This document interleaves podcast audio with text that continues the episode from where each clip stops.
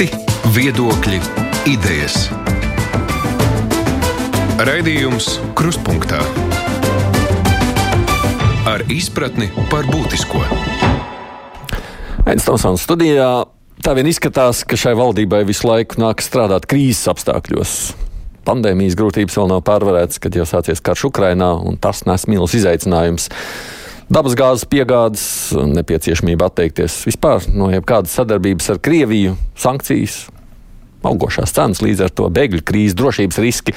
Ko no tā vispār nāsim, protams, es nezinu, jo šīs dienas sarunas tematiku noteiksit jūs, tātad klausītāji un arī žurnālisti. Studijā šeit ir ministra prezidents Krišāns Kariņš. Labdien jums! Labdien! Nu, un savukārt viņš ir gatavs atbildēt uz kolēģu un klausītāju uzdotajiem jautājumiem tiešraidē, Latvijas radio tiešraidē. Atālināti studijai pieslēgušies laikraksta diena žurnālisti Magda Rieksniņa. Sveika, Magda! Labdien! Un TVNet grupas galvenais redaktors Toms Astrovskis. Labdien, Tom! Sveiki! Nu, un savukārt, klausītāji, kā parasti vislabāk sūtiet jautājumus rakstiski, es atveru vaļā savu ziņojumu monitoru, lai es redzu, ko jūs rakstāt caur mājaslapu uz raidījumu. Kruspunktā izmantojiet iespēju, tad nu arī sūtiet. Kas no tā viss pieminētā vai nepieminētā, ko es tagad pieminēju raidījuma sākumā, kas jums rada vislielākās galvas sāpes, paņemt to lielāko uzmanību? Nu, es neteiktu galvas sāpes, bet man liekas, jūs faktiski minējāt viss, kas šobrīd ir, manuprāt, tas svarīgākais. Tātad mums ir jautājums mūsu energodrošība, energo neatkarība.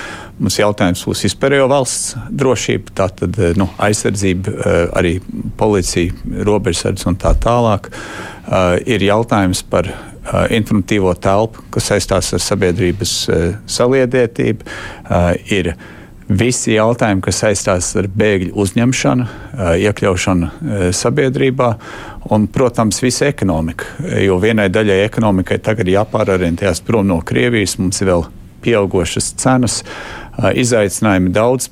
Pāris arī labi stāsta tajā mm. visā. Teiksim, bezdarbs, paldies Dievam, šobrīd ir salīdzinoši zems ar lejupējošu tendenci, bet neapšaubāmi te ir ļoti daudz izaicinājumu. Man liekas, no visām krīzēm, kas valdībā ir bijušas, un šajā valdībā mums tiešām liekas kaut kā no vienas otrajā.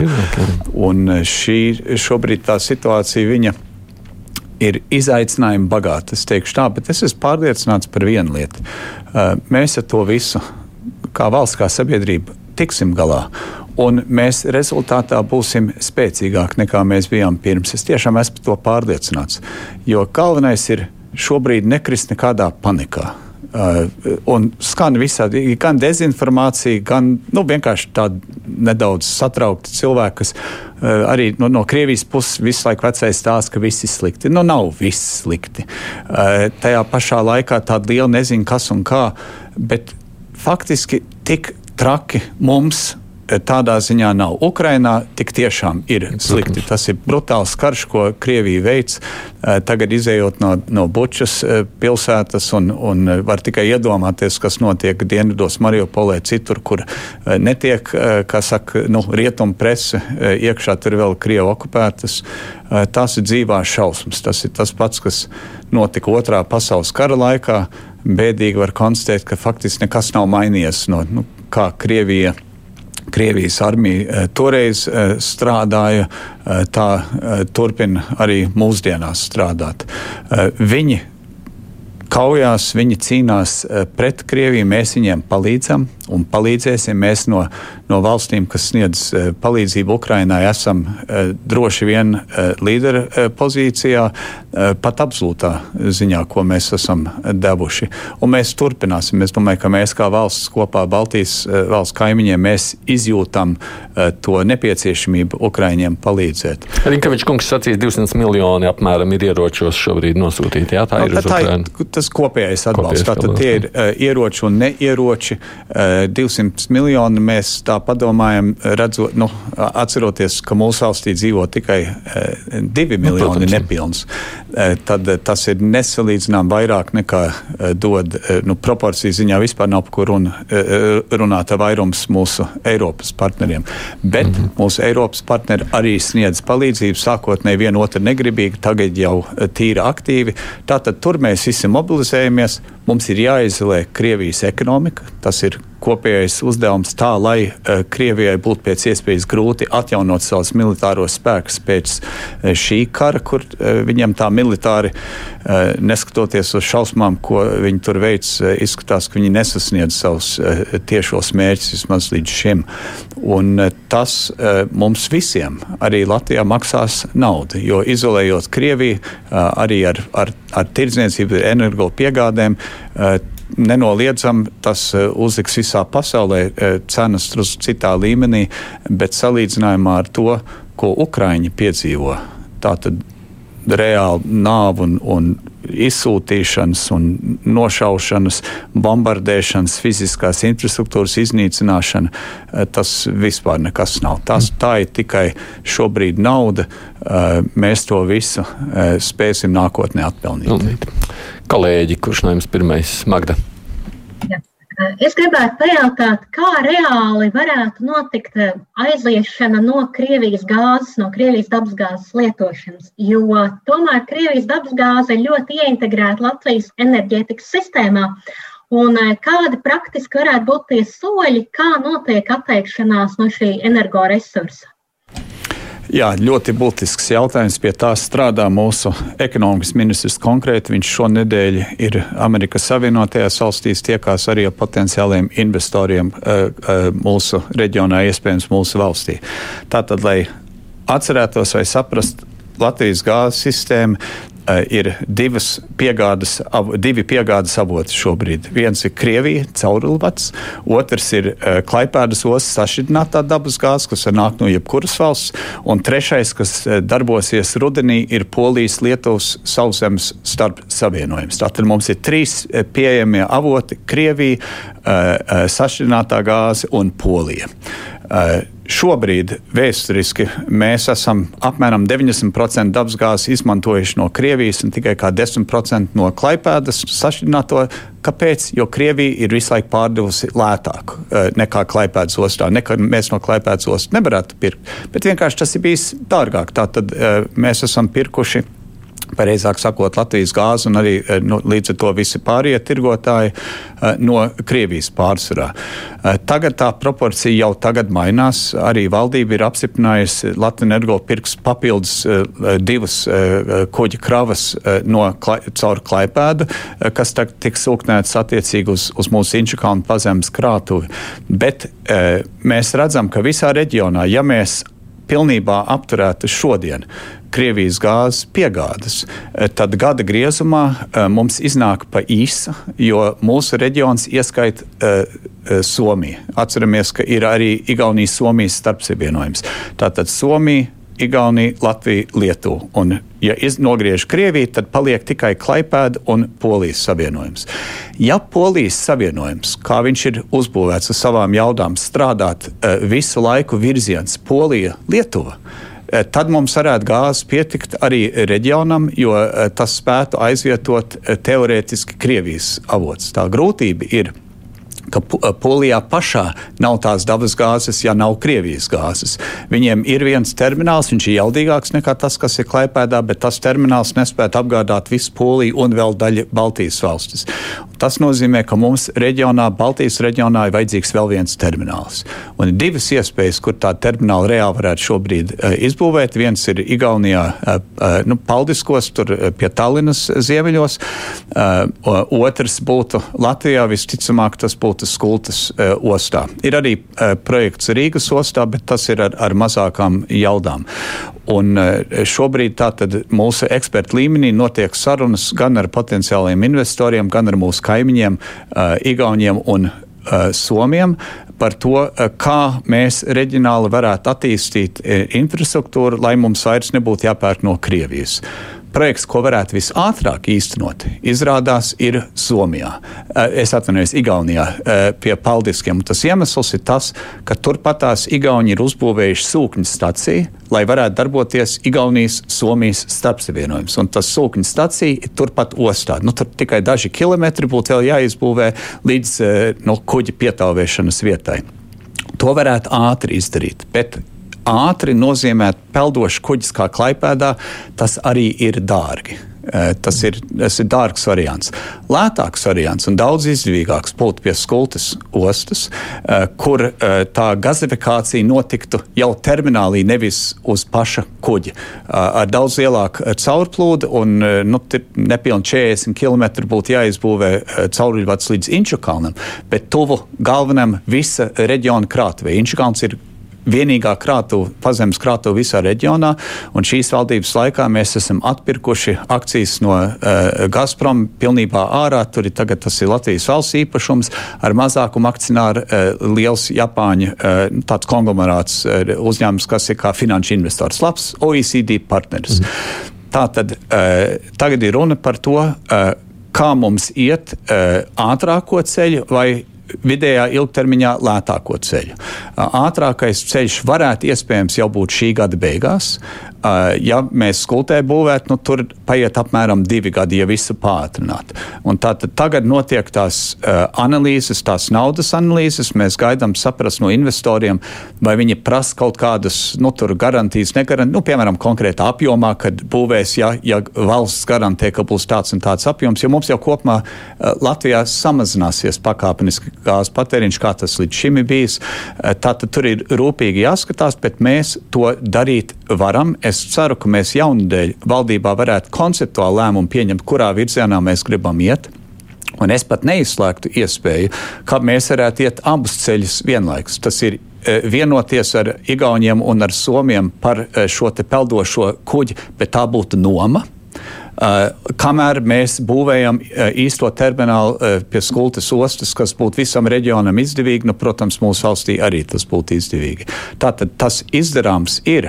Tā izaicinājums ir, ka, protams, saimā, un es saprotu kolēģis, kuri grib pieņemt ātru un strauju lēmumu pilnībā atteikties no Krievijas gāzes, es arī tā gribētu, bet mums ir jāšķir divas lietas. Viens, ja Eiropā mēs vienotos par sankcijām pret Krievijas gāzi.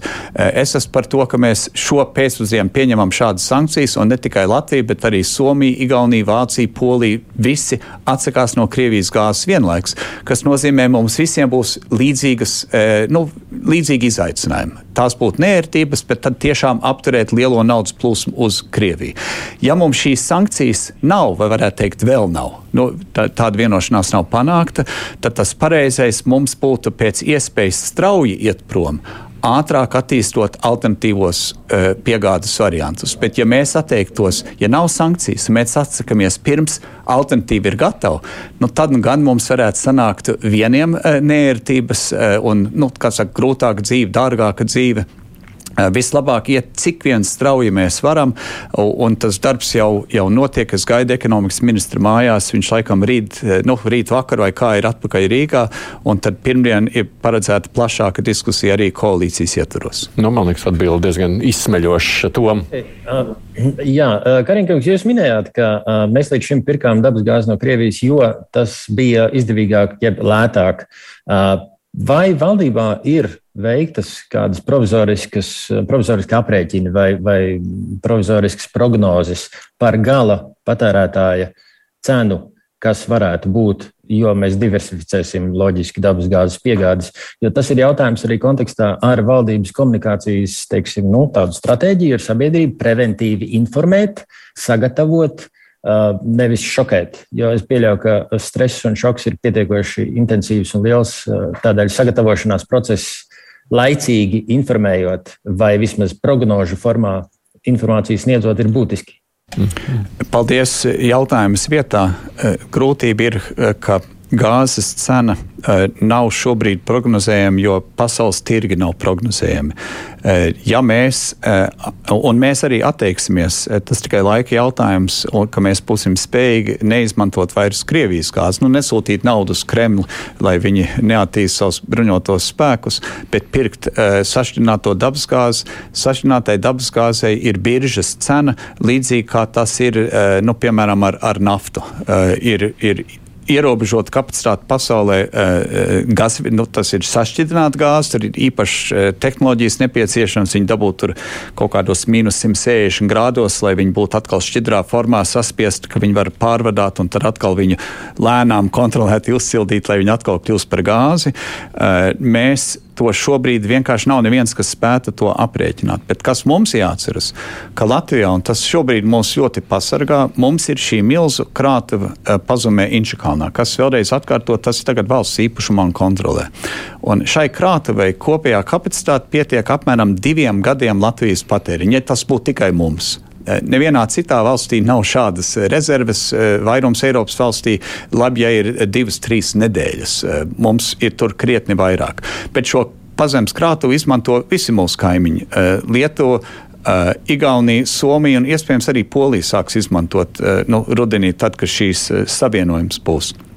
Pēc šīs krātuves uh, rezultātā mums šobrīd gāzes cena Latvijā ir apmēram dubultojusies, kad citur Eiropā viņa ir piec vai seškāršojusies. Un tas iemesls ir, ka mums ir tās milzu bufera rezerves, ka tā gāze, kas mums ir, tika iepirkta pērnā vasarā, un mēs tagad dedzinām pērnās vasaras iepirktās gāzes, nevis gāzes, kas šodien ir jāpērk. Tātad mm, bet, tas bet uh, bet... labākais, ko mums darīt, ir ne tikai atrast alternatīvas gāzes avotus, bet mēs arī valdībā plānojam attīstīt alternatīvas enerģijas ražošanas avotus. Nu, tas skaits jau ir. Toms grib iejaukties. Uh, jā, es, es atvainojos, uh, bet uh, ja uh, šīs dabasgāzes krātuves Inčukalnā, tās tomēr ir terminētas. Un plus vēl ņemot vērā, ka mēs neesam vienīgi izmantotāji. Tas nozīmē, divi gadi tas ir absolūtais maksimums. Kas notiks pēc tam? Jūs minējāt, 5-6 reizes dārgāk ir Eiropā. Gala patērētājiem dabasgāzes cena, vienalga apkure vai citāda veida. Vai varam spekulēt? Jo tas eventuāli mēs līdz tam nonāksim, jo tas atsauksies uz katru iedzīvotāju kabatu. Ja mums ir divreiz dārgāk, vai eventuāli sašķidrinātā gāze, vienalga no kura avota, vai tas varētu nozīmēt, ka būs nezinu, trīs, četras reizes, jo tomēr šī ir tā lieta, bez kā cilvēki nevar iztikt. Tas nu, nozīmē, droši vien, ka tas ir svarīgi šajā brīdī, jā. Droši vien, ka svarīgi arī kaut kādā mirklī, kad jūs teicat aprēķins celt šo vai celt to, nu kaut kādas jau pieņēmumus jūs veidojat? E, e, jā, vēlreiz, e, nav neviens iemesls domāt, ka nākotnē sašķidrinātā gāze būs tur četras vai piecas reizes dārgāka kā šobrīd. Mēs jau tagad redzam, ka gāzes, nu tās nākotnes futuri saucamie, viņas svārstās, bet viņiem ir atkal šobrīd lejupējoša tendence. Un tas ir atkarīgs no tā, ko tirgus, kā tirgus sapratīs pieprasījumu, piedāvājumu, iespējas, jo tirgus kara rezultātā šausmīgi spekulē, kas reaģē uz bailēm. Bailes e, e, nozīmē, ai, ai, nebūs un dzēn cenu uz augšu. Varbūt nepamatoti no resursu pieejamības viedokļa, bet no tā tirgi reizēm darbojās. Tātad, lai tas cenu efekts būtu mazāks mums, negatīvais potenciālais, e, gāzi mēs izmantojam gan apkurei, gan elektrībai. Kā 3-6% no elektrības, kas Latvijā tiek patērēta, tas ir no gāzes ražots attīstot paralēli, kas jau eh, process ir sācies, lielus vēja parkus, mums elektrība uh, mazākā un mazākā proporcijā nāks no dabasgāzes, kas nozīmē, ka dabasgāzes cena elektrības gala cenā būs mazāk un mazāk uh, ietekmīga vai īpatsvarā. Un tāpēc tā diversifikācija ne tikai ir dabūsim gāzi no citurienes, ko mēs darīsim, bet arī ražosim elektrību no citiem avotiem. Bet drīkstē vēl viens tas jautājums šajā visā, kas varētu ietekmēt cenu. Tas ir jautājums, vai vispār, ja visa Eiropa atsakās, un tas ceļš pagaidām izstāsta tādā visas Eiropas virzienā atteikties no Krievijas gāzes, vai vispār pietiekoši lielas jaudas ir, lai nodrošinātu visai Eiropai kaut kur citur dabūt Īsā atbilde ir jā, jā. Jo tik ilgi, kamēr Eiropai paies attīstīt sašķinātās dabasgāzes uzņemšanas termināls, paralēli notiek eksportējošo valstu eksporta termināla celtniecība arī. Mhm. Un, dabasgāzes pasaulē jau pietiek. Uh, un daudz ir uh, saistīts ar, ar cauruļvadu gāzi, tagad pāries vairāk uz kuģu gāzi, un uh, notiek, un jau šobrīd notiek liela attīstība. Piemēram, Savienotās valstis ir apsolījušas, ka šogad Eiropai varēs piegādāt 15 miljārdu uh, kubikmetrus, nākamgad 50, un Eiropas kopējais patēriņš vai tas, ko iepērk no Krievijas, ir 150. Tātad Amerika viena zina jau šodien uh, droši, ka viņi varēs piegādāt vienu trešo daļu no tā, kas visai Eiropai nāktu cito, citās uh, reizēs no Krievijas. Mana doma vai spekulācija šeit es tieši spekulēju, uh, ka tirgus redzēs, ka Eiropai ir pieprasījums, Amerika eksport būs eksporta spējīgāk uz vairāk kā tiem 50 miljardiem. Okay. Attīstīsies. Drīkst tā pāris jautājumu no klausītājiem, tad kolēģi varēs ja turpināt, lai cilvēki arī var uzdot jautājumu. Būtībā vairāki šobrīd prasa, kas kur ir noticis, kāpēc tad nebija tomēr skoltē līdz šim uzbūvēts, kas tie bija pa cilvēkiem, kas to bremzēja, ar viņas prasa, kur ir politiska atbildība, kad mēs tos kultus projektu sākotnējā nogremdējām. Jā, vēlreiz. Es e, e, vakardien pirmo reizi e, redzēju ciparus aprēķinus uz ieguldījumiem un tā tālāk. Ir bijuši dažādi interesanti, kas gribētu skultēt, būvēt, bet tas, ka riņķi apkārt runā, ka kāds būvē, nenozīmē, ka kāds ir bijis konkrēti gatavs būvēt. Jo mēs neplānojam ar valsts līdzekļiem šo terminālu attīstīt. Un ja miera laikos pirms gada kāds būtu piedāvājis no valsts ieguldīt tur pārsimtus miljonu uzbūvēt skultēt terminālu, ar gāzi, kura būtu uh, nu, kaut vai pa centi, bet uh, potenciāli dārgāk kā Krievijas cauruļvadu gāze, uh, tad es domāju, ka tur būtu bijis milz pretestība. Jo līdz šim, jāatceras, kas līdz šim Gazprom politika ir bijusi, kādā cenā pienāk sašķidrinātā gāze Klaipēdā. Gazproms ir visu laiku piedāvājis drusku, bet lētāk un tādā veidā traucējot jebkuras investīcijas. Tagad, kad ir skaidrs, ka mēs atteiksimies no Krievijas gāzes, investori interesi pavisam citi, jo nebūs vairs tā Krievijas spēja kaut vai dempingā pārdot lētāk. Un tāpēc tas līdz šim nav attīstīts, bet uh, tagad šī kara uh, rezultātā uh, es prognozēju, ka būs, nu, es jau redzu, ka ir interese, un es prognozēju, ka būs strauja attīstība. Un te vēl daži jautātāji prasa par to, vai mums tikai Inču kalns. Te Zigorts atcerās, bija taču iespēja izveidot gāzes krātuvi pie Dobeles. Tas vēl ir aktuāls jautājums. Nu, ģeoloģija nemainās dažu gadu garumā. Eh, protams, pie Dobeles eh, tās dabas krātuves potenciāls ir, ir daudzreiz lielāks nekā tas, kas ir Inčkalnē. Inčkalnē ir attīstīta infrastruktūra. Un jāatceras, ka uh, laikam ejot uz priekšu, domājams, ka gan Latvija, gan citas valstis gāzes patēriņš tikai samazināsies. Mēs vairāk izmantosim sauli, vēju un tā tālāk, bet gāze joprojām būs svarīga. Un tieši šodien man bija saruna saruna, tā skaitā Latvijas energo pārstāvi, eh, kurš eh, minēja to, ka Latvijas energo jau sāk skatīties uz nākamām tehnoloģijām, tātad uz ūdeņradi.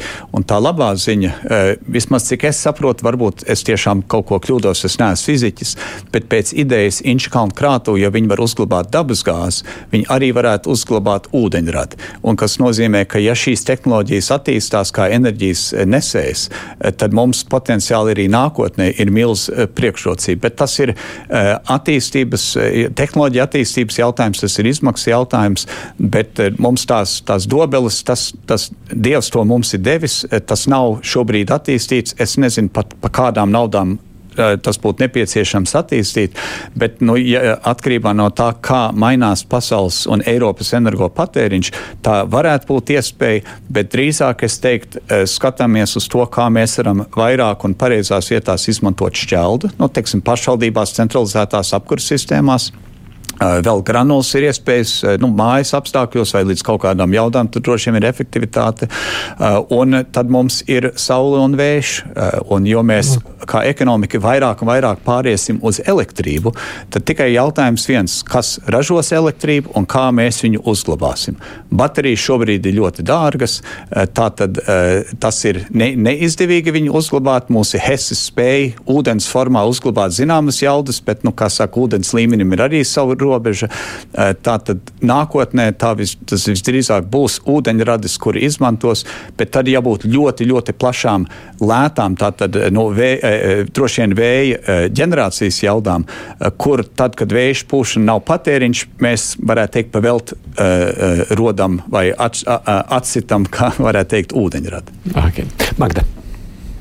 Savulaik Baltijas valstīm bija kopīgs projekts par atomelektrostaciju, ko plānoja būvēt Lietuvā, bet projekts arī netika īstenots.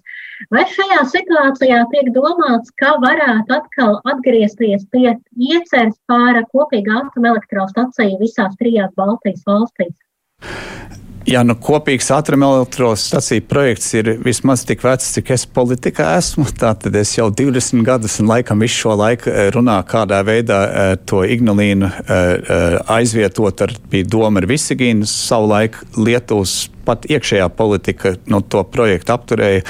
Ko šodien runā, un varbūt ne tik daudz politiķi, cik enerģētikas eksperti, runā par potenciālu maz gabarītu atomelektrostaciju attīstību. Un, cik es saprotu, ka arī mūsu lielā energokompānija ir sarunās ar Igaunijas un Zviedrijas elektrokompānijām, veicot tādu priekšizpēti, kādas tehnoloģijas ir pieejamas vai, vai nākotnē varētu būt pieejamas un kādā veidā kaut ko tādu varētu integrēt uh, Latvijas energosistēmā. Es domāju, ka ir vērts un jebkurā gadījumā mums tas jāiz, jā, jāizpētī. Uh, ir nu, varētu teikt, vienam patīk, vienam nepatīk, bet es domāju, tas nav patiks, nepatiks jautājums. Ir cena, uh, izmaksas un arī drošības jautājums. Uh, un drošības ziņā galvenais ir uh, tie tā saucamie atkritumi. Nu, teiksim, jā, bet tiem... Igauni jau faktiski nu, ir diezgan tālu tikuši šai domā, un tas jautājums, laikam, starp Latviju un Igauniju tāds, vai Latvija energo tur var kaut kādā brīdī iesaistīties kā partneris vai nē. Es tagad, protams, iespējams izsaku nepārāk precīzi informāciju, cik man ir saprotams. Tas no, jūs atbalstītu, ja, ja Igauni iet, ka Latvija tur. Nu, pirmkārt, Igauni nekur paši neiet, Latvija energo tur ir klāt un tur ir Vattenfalls no Zviedrijas. Viņi visi trīs strādā. Jā. Un ja kaut ko tādu īstenot, eh, droši vien tur būtu vajadzīgs vairāk energo kompāniju sadarbību, jo tie projekti, kaut viņi būtu maz gabarīti, tas nenozīmē, ka viņi noteikti būtu ļoti lēti. Eh, tātad šobrīd notiek tā priekšizpēta izpēta, un mūsu energokompānija tur iekšā ir. Es kā politiķis mm -hmm. saku, šis ir iespējams pozitīvs, labs virziens nākotnē, uz kā, raugo, uz kā raudzīties, bet šobrīd ir pāragri, jo nu, nav nekā vēl konkrēta. Bet mēs varam iedomāties, nu, mē, mēs visi zinām, e, tagad Baltkrievijā šis milz, tā milz atomelektrostacija Ignalīnā bija liela, bet mēs arī zinām, ka ir, ir atomu zemūdenes, kas ir Nu, tur ir atomspēkstacijas, kas ir gabarītos acīm redzot gana mazas, ka viņas vēl ietilpjās e, tajā zemūdenē, un tur vēl vieta ir cilvēkiem un, un, un ieročiem un visam pārējiem. E, tātad, ja tādu tehnoloģiju varētu pārnest e, un izmantot sauszemē, tas laikam vēl nav nekur darīts. Bet es domāju, ka zinātnieki pie šī aktīvi strādā, un arī mūsu energokompānija pie tā aktīvi strādā, informē mūsu politiķus, un mēs politiķi esam sākuši to diskusiju, bet man liekas, tā arī būtu tā ir svarīga sabiedrības sabiedrības diskusija. Ja, ja mēs ejam šajā virzienā, tad ir svarīgi, ka sabiedrība to saprot un to atbalsta. Mm. O, tom. Jā, man, man ir jautājums par dzīves dārdzības politiskajām konsekvencēm. Proti, nu, mēs labi zinām, ka demokrātijās valsts vadītāji un, un augstās amatpersonas mainās ik pēc četriem, pieciem gadiem. Savukārt autoritārajos režīmos amati tiek piešķirti vai, vai, pat mantoti. Respektīvi, cilvēku pacietībai, manuprāt, ir izmērāms robežs, ja ir runa par viņu maciņiem, par mūsu maciņiem. Tādēļ jautājums būtu šāds. Vai jūs paredzat saimnes vēlēšanās oktobrī ultranacionālistu teiksim, uzvaras gājienu, ņemot vērā konsekvences Krievijas iebrukumam Ukrainā, vai, vai arī liels izmaiņas neparedzat? Eh, Latvijas politiskajā, uz Latvijas politiskās skatuves? Kā jums šķiet? No, jūs man prasat zīmēt kafijas biezumos. Eh, es šobrīd neredzu nekādu teiksim, tādu revolucionāru uh, pārmaiņu uh, īstas pazīmes ne politikā, ne sabiedrībā kopumā. Bet kas mums jāatcerās par cenu izmaiņām? Cenas izmainās Krievijas agresijas rezultātā. Krievija veids karu Ukrainā, tas palīdz izsist, tā skaitā visādas piegādes ķēdes, arī energo jomā tas skar, tas nāk tūlīt pēc Covid, kas jau ar savām traucētām piegādes ķēdēm traucēja un faktiski bija tāds cena pieaugošs spiediens. Tas, ka mums Latvijā ceļās cenas, mēs saprotam, kāpēc, jo Krievi karo Ukrainā. Un es domāju, ka mūsu sabiedrība to gana labi saprot to cēloni. Tagad, ko mēs kā valdība piedāvājumu un tiek strādāts pie tā. Mūsu labklājības ministrija ļoti aktīvi strādā ar citām ministrijām. Ir, uh, attīstīt eh, mērķētu atbalstu veidu tām maisaimniecībām, kuriem šo pieaugušo cenu rezultātā tik tiešām ir grūti. Mēs nevarēsim vairs atļauties nu, tā plaši visiem sniegt kādu uh, pabalstu, bet mums ir spēja, un man liekas, mums pat ir pienākums palīdzēt mērķēti tiem, kuriem ir visgrūtāk. Un, ja tas jau nav, nav jau tikai degviela vai elektrība vai kas, nu viss kļūst dārgāks, pārtika kļūst dārgāks, viss, viss šobrīd ir tādā tendencē. Un tie, kuriem ir visgrūtāk, tālāk. Uh, nu, tur ir uh, pārsvarā tie pensionāti cilvēki, tie cilvēki, kuri nepiedalās aktīvi darba tirgu vienu vai otru iemeslu dēļ, un viņiem ir, ir ierobežoti ienākumi, un mums ir jāskatās, kā viņiem palīdzēt. Jo tie, kas ir aktīvajā darba tirgu, īpaši, kas strādā, teiksim, eksportējošās industrijās, tur jau cenu pieaugums pēdējos, algu pieaugums pēdējos gados ir krietni, krietni virs jebkāda cenu pieauguma šobrīd. Uh, Tātad mums ir daļa sabiedrība, kurai faktiski tās cenas ir neērtas, bet tas nepataisa dzīvi neiespējami. Viņiem mums nav jāpalīdz, bet eh, jo, tie, jo tā dzīve tikai ne, neērta, nevis neiespējama, tad viņi arī maksā nodokļus. Mums tos nodokļus daļai jāpārdala tiem, kuriem ir vairāk vajadzīga palīdzība. Kad mēs varētu uzzināt, ja redzēt to kaut kādu piedāvājumu projektu? Uh, es domāju, ka tas būs mums nāk tagad lieldienas eh, pēc lieldienām. Pēc lieldienām. Es atgādināšu klausītājiem, mums ir premjerministrs Krišāns Kariņš šeit studijā, nu, un iespēja viņu izstāvjāt gan klausītājiem, gan arī man kolēģi Magda Riekstīna no Dienas un Toms Astrovskis no TVNet. Raidījums Krustpunktā. To no ko klausītāji te jautā, viesturam vēl tāds savukārt jautājums. Te diskusijas arī par noslēgto sauszemes robežu ar Krieviju, kas varētu būt. Mēs zinām, arī iekšlietu ministrija piekdien Tallinā tālāk sarunas turpinās. Te jautājums, kas būs ar Kaļiņģerādu? Viņiem taču tur neko nevarēs piegādāt, tad būs dusmas no Krievijas puses. Jā, tā tad par, par sankcijām kopumā sankcijas pret Krieviju ir vērstas, lai Krievijas ekonomika izolētu. Ja mēs kā Latvija, nu, teiksim, ar vienalga kā uh, slēgtu mūsu robežu ar Krieviju, tas neietekmētu Krieviju. Jo vienkārši nu, teiksim, tās fūras, kas brauc caur Latviju, brauc caur Igauniju, vai Lietuvu vai Somiju, nu, viņas atrast citu, citu ceļu. Uh, mēs Krievijai neko neizdarītu, bet mēs savai ekonomikai gan kaut ko izdarītu. Tas būtu uz, uz nu, saka, spiediens uh, negatīvs. Tas, ko mēs strādājam, ir vienoties par sankcijām, ko visi pieņem, kas ne tikai ietekmē Krieviju, bet arī neietekmē mūs sliktāk kā mūsu rietumu kaimiņus. Tas, kas ir šobrīd par ko ir panākt vienošanās eh, šodien. Eh, laikam tie, es nezinu, vai tie lēmumi jau ir pieņemti, vai, vai nu, saka, šīs dienas laikā sagaidāms, kad eh, Eiropā vēstnieki to pieņems, ka būs sankcijas ne tikai pret Krievijas oglēm, tātad enerģētikas sektorā sāk, vēl nav nafta vai gāze, bet vismaz ar oglēm tagad ir kopīga vienošanās, un arī mums ir pret Krievu fūru operatoriem un pret Krievijas kuģu operatoriem. Nu, teiksim, Krievijas kuģi vairs nevarēs pieņemt pietāvēt Eiropas ostās, un Krievijas fūras vairs nevarēs braukt par Eiropas ceļiem. Kas vēl nav uh, izlemts, ir, ka vispār šī tirdzniecība apstātos. Tas nozīmē, ka šobrīd mūsu kravu uh, pārvadātāji turpinās braukt līdzīgi kā, kā Polijas un Vācijas un bet citi. Tur jau Krievi visticamāk uzliks atkal savukārt neļaujot mūsējiem braukt. Un, ja, un ja viņi, tā tad, bet tad tas ir Krievijas ziņā, ja viņi uzliek uh, tādu nu, liegumu, nu, tad, tad faktiski tā sankcija būtu pilnvērtīga. Uh, šobrīd viņi, viņi daļēji efektīvi, un, un tas ir tas, ko es visu laiku gribu atgādināt, ka Eh, nav tā, ka šobrīd jebkurš no Krievijas vienkārši brauc un robeža vaļā. Faktiski mūsu uh, uh, vēstniecība uh, Krievijā ļoti skopi izdod vīzas. Pārsvarā tās vīzas tiek izdotas tikai ārkārtas gadījumos tur no konkrētiem cilvēkiem, kuri tiešām varētu teikt bēg no Putina režīma. Tur kopš kara sākuma kaut kur 150 vīzas kopumā ir laikam šādā garē, gadā, gadījumā izdots arī laikam tur nu, ģimenes apstākļiem, bet, bet individu pa individu. Un mums drošības dienesti strādā un ļoti aktīvi seko visam līdz, viss, kas šķērso robežu. Ir arī cilvēki, kuri šķērso robežu, kuram ir derīga vīza kabatā. Tā vīza varētu būt arī no citas Eiropas valsts.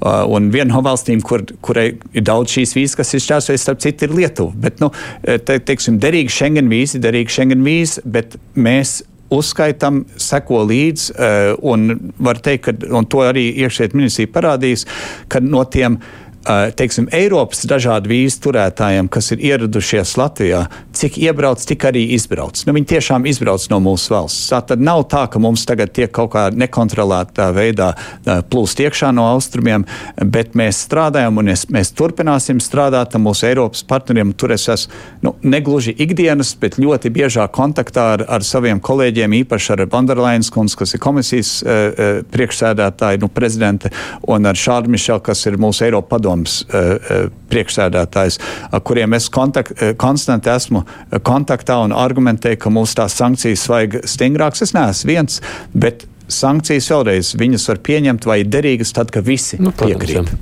Kolēģi Magda. Karina kungs, jūs esat teicis, ka Eiropai ir jābeidz baidīties no Krievijas. Vai jūs varētu detalizētāk arī Latvijā klausītājiem paskaidrot, kā jūs to domājat? Nu, tieši kā līdz šim izpaudās tās Eiropas bailes, un kas tad tagad būtu jābeidz, kā būtu jāizpaužās tam, kad Eiropa vairs nebaidās no Krievijas? Jā. Šis ir ļoti, ļoti labs jautājums. Tiešām man vismaz interesanti jautājumi šodien par tām bailēm. Putina spēks Uh, ir tas uh, iekšzemē, ka no viņa baidās, un ārzemēs, ka no viņa baidās. Iekšzemē viņam ir represīvais uh, aparāts, uh, kas uh, apcietina, nogalina uh, un tā tālāk visu opozīciju, jebkurš, kas izsakās šobrīd pretlīdzīgi kā Baltkrievijā, to, uh, kā saka, viņa dienesti uh, vajā un uh, brutāli vajā. Tas ir kā mafijos struktūra strādā, tas ir kā diktatūra strādā uz baiļu pamatu. Un viņš šo te pašu auru Eh, izstaro uz āru, eh, ka eh, viņš ir neaprēķināms, labāk neko nedarīt, lai tik viņu nesakaitinātu, jo tad būs slikti. Un mums ir jāsaprot, ka Krievija nav tik visvarana, ka viņi spēj visai pasaulē, kas saka, nu, visus tos, tos draudus arī īstenot, vai ka viņi ko arī īstenotu. Un ja mēs vienkārši gan Latvijā, gan citur, ja mēs to baiļu elementu atņemam, tad mēs varam racionāli rīkoties. Piemēram, Krievijas bruņoties spēki. Nu, viņi varbūt nav pārāk eh, nezinu, nu, spējīgi uzspēt uh, Ukraiņu karavīrus, bet viņi diemžēl ir brutāli spējīgi iznīcināt Ukraiņu pilsētas. Viņi var no attāluma bombardēt, nevis tūciņā jebko uzvarēt. Faktiski viņi pat teritoriju nespēja noturēt, izskatās ziemeļos. Bet tas nenozīmē, ka mums, teiksim, ka Krievijas armija nav ļoti vērā ņemama, bet mēs varam no savas puses vai nu baidīties, ka ir tāda Krievijas armija, vai ar vēsu prātu turpināt attīstīt savas aizsardzības aizsardzības spējas, ko mēs darām. Mūsu aizsardzības spējas nav tik zemē metamas. Faktiski viņas ir tīri labas. Mums ir ļoti profesionāli karavīri, mums ir labs ekipējums, ļoti laba apmācība, ļoti koordinēta rīcība. Un tā tiek stiprināta mūsu NATO partneriem. Tagad Dānija nu pat tās pieņem lēmumu veselu bataljonu, tātad pie 800 karavīriem vēl papildus sūtīt konkrēti uz Latviju. Eh, mums ir tās NATO dažādu valstu lidmašīnas gaisa telpā, mums ir Igaunijā, Lietuvā, Polijā, viss tas pats atkārtojās. Eh, mums ir lielais Ziemeļ divīzijas štābs eh, tepat Latvijā balstīts, kas apvieno gan Latvijas, gan Igaunijas spēkus.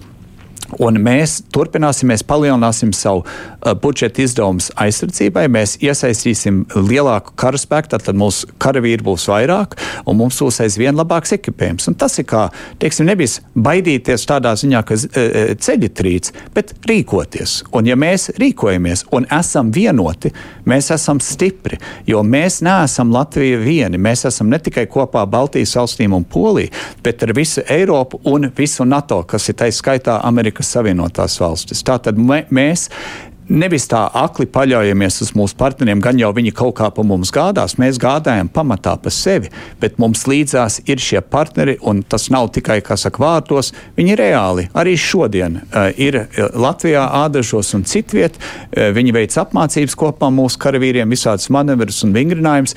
Plāni ir izstrādāti visiem, tie ir vienoti plāni, nav tā kā Latvijas plāni kaut kā atraut no kopiem NATO plāniem. Viss strādā vienoti, mēs uh, sevi stiprinām stiprinām un stiprināsim. Un mums nav ko baidīties vai uztraukties, bet mums ir ko rīkoties. Uz rokām sēdēt šeit nedrīkst. Tom. Cik, cik daudz šīs bailes no uh, Krievijas uh, režīma neparedzamības iespaido vēl šodien uh, politiskos lēmumus Eiropas Savienībā, piemēram, Vācijā?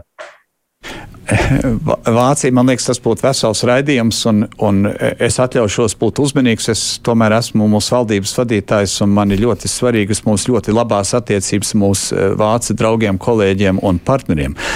Bet Vācija, kā mēs zinām, ir, ir piedzīvojusi divas pasaules karus, kur viņi ir bijuši starp izraisītājiem. Viņiem ir ļoti liela vainas sajūta par šiem abiem kariem, un viņi kāds 70 gadi ir, ir, ir stāstījuši un atvainojušies visai pasaulē, maksājusi milz naudas reparācijas un bija atteikusies pamatonīgi kādā veidā stiprināt savu militāro aparātu. Kopš šī kara sākuma šī ilgadīgā Vācijas doktrīna ir kājām gaisā. Uh, Vācija pieņēma lēmumu ne tikai atļaut Igauniem un citiem piegādāt Vācijā uh, ražotus uh, ieročus Ukrainai, viņi paši ir sākuši piegādāt ieročus Ukrainai, un viņi ir izveidojuši 100 miljārdu, liekas, nemaldos, 100 miljārdu eiro fondu, lai modernizētu un attīstītu savus bruņotos spēkus, ieguldot tur 2% no iekšzemes koprodukta. Tātad ja Vācija agrāk bija domās, un tas varbūt nebija tik daudz bailes kā tādā nu, uh, uh, veltīgā ticībā, ka ja tikai Putina atrod pareizos vārdus, viss būs labi. Uh, no varmāka nevar atrast pareizos vārdus. Tev vienkārši jābūt stipram, lai viņš neatļaujās būt varmācīgs pret tevi. Un vācieši tagad to ir tiešām, tiešām sapratuši. Arī viņi vadošie politiķi, arī tā skaitā viņa prezidents ir, ir konstatējis publiski atzinis, ka viņi absolūtā paļāvība uz Krievijas gāzes piegādēm ir bijis aplama. Uh, tā tad notiek milzīgas maiņas uh, arī mūsu uh, saka, partneru valstī Vācijā. Un, uh, galvenais, ka viņi tagad uh, turās uz savu uzņemto kursu un īsteno visu, ko viņi ir iecerējuši. Nu, par to aplamo un iepriekšējo te jau arī kādi klausītāji, gan mums pamatā gan visu tikai par enerģētiku, bet vai arī mūsu Vernetkungs saka, ka tā mūsu un jūs īstenotā enerģētikas politika taču bija tuvaredzīga. Neviens taču netraucēja diversificēt enerģiju līdz 24. februārim. Visa Skandināvija masveidā izmanto šķeldu, tajā skaitā no Latvijas, bet Latvija pārdod šo savu enerģijas avotu un pērk no Krievijas gāzi. Tā vēl gudro arī par atomenerģiju. Vispirms maksimāli jāizmanto savi energoresursi atbalstot, vietējos enerģijas ražotājus, un tikai tad, ja pietrūks, jāpērk ir klāt. Ļoti prātīgi vārdi, bet mēs tajā virzienā esam gājuši. Ja mēs skatāmies uz mūsu valsts energo patēriņu kopumā mums uh, dabas gāze šobrīd ir viena piektā daļa no kopējā patēriņa, un atjaunojamie energoresursi pār pa 40%. Tātad mēs esam soli pa solim gājuši, uh, kas tagad not, uh, prom no Krievijas energo uz, uz citu īpašu pašmāju, kas tagad notiks kara rezultātā. Tie soļi tagad kļūs ļoti naski un viņi tādi ātri kļūs. Un reizēm ir vajadzīgs tās liels grūdienis. Mums pašvaldība pēc pašvaldības ir plaši izmanto šķelti, pāris pašvaldības, kuras vispār nav. Eh, viņas tagad, eh, cik es saprotu, ļoti aktīvi meklē un plāno iegādāties vai jau ir procesē iegādoties eh, šķeltas katlamājas. Tas viss notiks. Nu, un... Jūs teiktais nozīmē, ka nu, nebija jau līdz galam, līdz šim arī, kā saka, tā kā vajadzētu. Vajadzēja ātrāk jau, vajadzēja straujāk, vajadzēja labāk.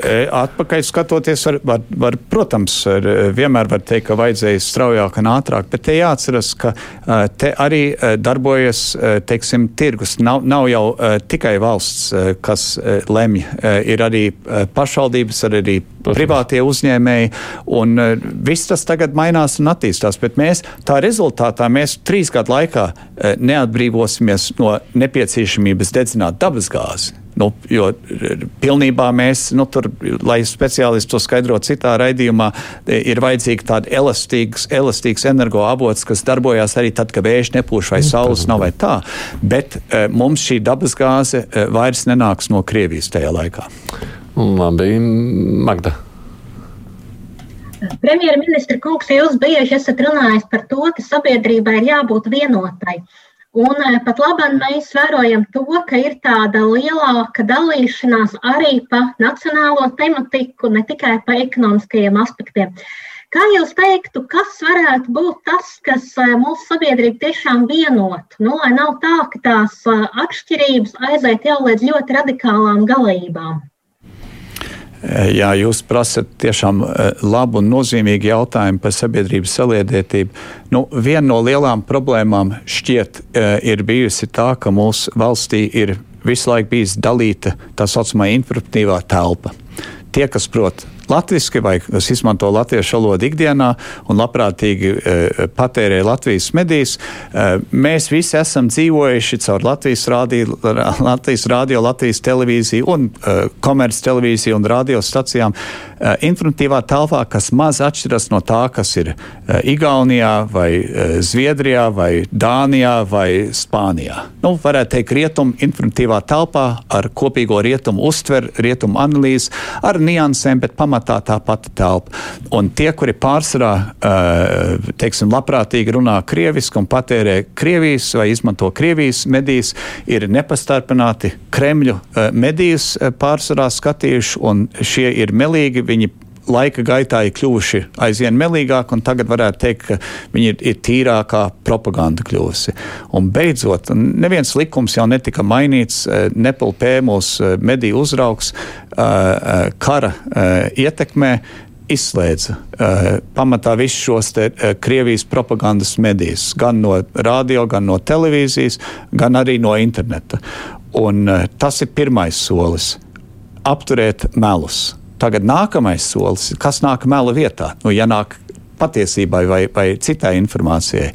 Un eh, mūsu kultūras ministrs ļoti aktīvi strādā. Viņš jau nāca pirmo, varētu teikt, tādu starp, starp ziņojumu pie tā kopā mediju uzraugiem, kā mēs varētu nodrošināt, eh, ka mūsu eh, mediju vidē ir ne tikai latviešu vai, vai angļu vai vācu vai, vai cita informācija, bet arī krievalodā pieejama objektīva, laba informācija. Arī tā skaitā ar izklaides materiāliem un tā tālāk. Bet mums ir pietiekoši liela pretestība Latvijā pret šo. Eh, es zinu, ka ir pretestība. Un eh, te ir, ir divas, varētu teikt, nometnes, eh, viens ir, ka mēs attīstam pa valsts naudu no krievisko mediju. Es nezinu, vai tas ir nepieciešams, bet nezinu, vai tas var izdoties, jo, lai, lai būtu tiešām kvalitatīvam medijam, nu, tas ir šausmu lielas naudas. Nepietiek tikai ar ziņu pārraidēm, bet nu, ko pa visu izklaidi un tā tālāk. Bet reālāk ir, ir pieejami ļoti daudz mediju, kas ir nu, starptautiski no Eiropas, kur arī tai skaitā ir, varētu teikt, kanāls Krievu valodā vai tulkojums Krievu valodā. Un eh, tāda iespēja ir. Eh, tātad Protams, mēs skolas pārēji, kas ir notikusi lēni šos pēdējos 30 gadus, eh, bet tagad eh, izglītības ministra eh, ziņo, ka to varēs tagad pabeigt pilnībā trīs gadu laikā. Mums jau augstskolas ir latviešu valodā, vidusskolas ir latviešu valodā, mums ir līdz desmitai klasei tur ir dalīti, bet to varēs tagad nu, pilnībā trīs gadu laikā pāriet. Tas mums arī palīdzēs. Tad, tad ar jauniešiem, ar tiem teiksim, līdz, līdz 35 piecus gadiem pārsvarā jau visi, kas Latvijā dzīvo, prot mūsu valsts valodu e, e, un labi viņu prot. Bet ar vecāku gadgājumu cilvēkiem e, tur ir lieli izaicinājumi, un manuprāt, ir svarīgi, ka, protams, viņiem Latvijas mediju, latviešu mediju pieejami, kurā dienas laikā, un tā ir bijis pēdējos 30 gadus. Bet, ja viņi ir labprātāk un ja viņi klausīsies Krievu valodā, tad labāk, lai tā ziņa Krievu valodā ir objektīva un patiesa. Un pie tā mūsu kultūras ministrs strādā. Mm. Tom. Uh, jā, es gribēju arī mazu repliku pirms jautājuma. Proti, uh, nu, mēs jau neesam izpildījuši mājas darbu. Proti, ja mums ir informatīvā uh, telpa divās valodās, uh, ne jau tādēļ, ka mēs, tās ir izvēles jautājums. Tas ir uh, nu, faktiski piespiedu kārtā, jo mājas darbs, ko mēs neesam izdarījuši, ir uh, izglītība valsts valodā. Tā kā, nu, manā skatījumā, neatkarīgi no viedokļa, šī, šis pārējais posms, cerams, tas pārējais posms nebūs paudžu jautājums. Jūs minējāt trīs gadus līdz izglītībai valsts valodā, bet, lai tas funkcionētu un praksē realizējams, tas visticamāk būs paudzes jautājums. Tā kā, nu, es domāju, ka informatīvā telpa Krievijas valodā obligāti ir nepieciešama. Jautājums ir, kā? Un šī kontekstā arī, arī jautājums no manas puses, proti, 10. martā uh, Nepils izsniedz apraides atļauju Latvijas televīzijai, lai veidotu TV kanālu uz Rusijas LSM bāzes. Faktiski, nu, faktiski tas nozīmē reanimēt LTV 7 krievu valodā. Proporcijas nezinu, koncepciju neesmu redzējis, bet šis kanāls krievu valodā faktiski nesen, salīdzinoši nesen, tika likvidēts, jo nebija gan uh, sasniegts mērķis, proti, lielais mērķis, asimilācija vai integrācija uh, vieglākā formā, kā arī reitingi nebija spīdoši. Un šī, šī kontekstā uh, jautājums ir par to, kā realizēt. Vai valdībai ir um, stratēģija informatīvās telpas aizsardzībai un, un un kad plānots to realizēt. Un faktiski, kāda tā ir un kad ir plānots to realizēt. Jo līdz šim, teiksim, no komercmediju viedokļa, varu teikt, ka šī diskusija faktiski neeksistē. Ir dažādas grupas, cilvēku grupas, dažādos līmeņos, kurās tiek apspriests bet rezultātu nav. Un izrādās, ka Nepals jau ir izsniedzis apraides licenci 10. martā. Man vienkārši jautājums, vai ir kaut kāda konsekventa rīcība un plāns, pēc kura valdība uh, skatās un, un realizē un iet uz priekšu. Tā ir skaitā, protams, arī kultūras ministrija, uh, kas ir faktiski atbildīga par šo visu procesu. Mhm.